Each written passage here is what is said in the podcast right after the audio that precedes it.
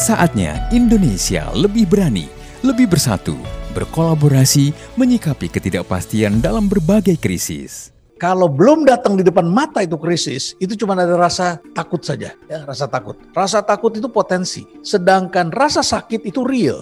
Nah, hari ini dengan pandemi ini, kita sebagai pelaku usaha, ini yang ada rasa sakit. Anda rata-rata sekarang semuanya mempunyai rasa sakit yang lebih besar dari rasa takut. Kalau rasa takut Anda masih lebih besar dari rasa sakit, artinya rasa sakitnya belum seberapa lah begitu. Maka tidak ada energi untuk berubah. Tetapi ketika rasa sakit kita melebihi rasa takut kita, ini akan menjadi sebuah kekuatan besar untuk perubahan.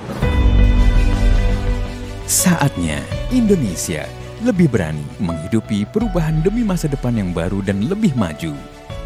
A lot of things kita jatuh bangun ini belajar tentang hal-hal baru. Ya resepnya ada tiga.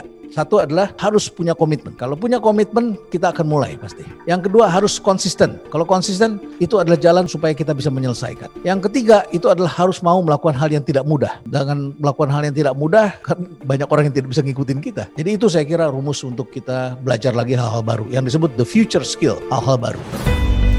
Simak dan dengarkan Rise Podcast Spesial Exploring Opportunities in the New Uncertain World bersama Profesor Renald Kasali, Guru Besar Fakultas Ekonomi Universitas Indonesia dan founder Rumah Perubahan. Hari Sabtu, 17 April 2021 pukul 19 waktu Indonesia Barat di www.kbc.or.id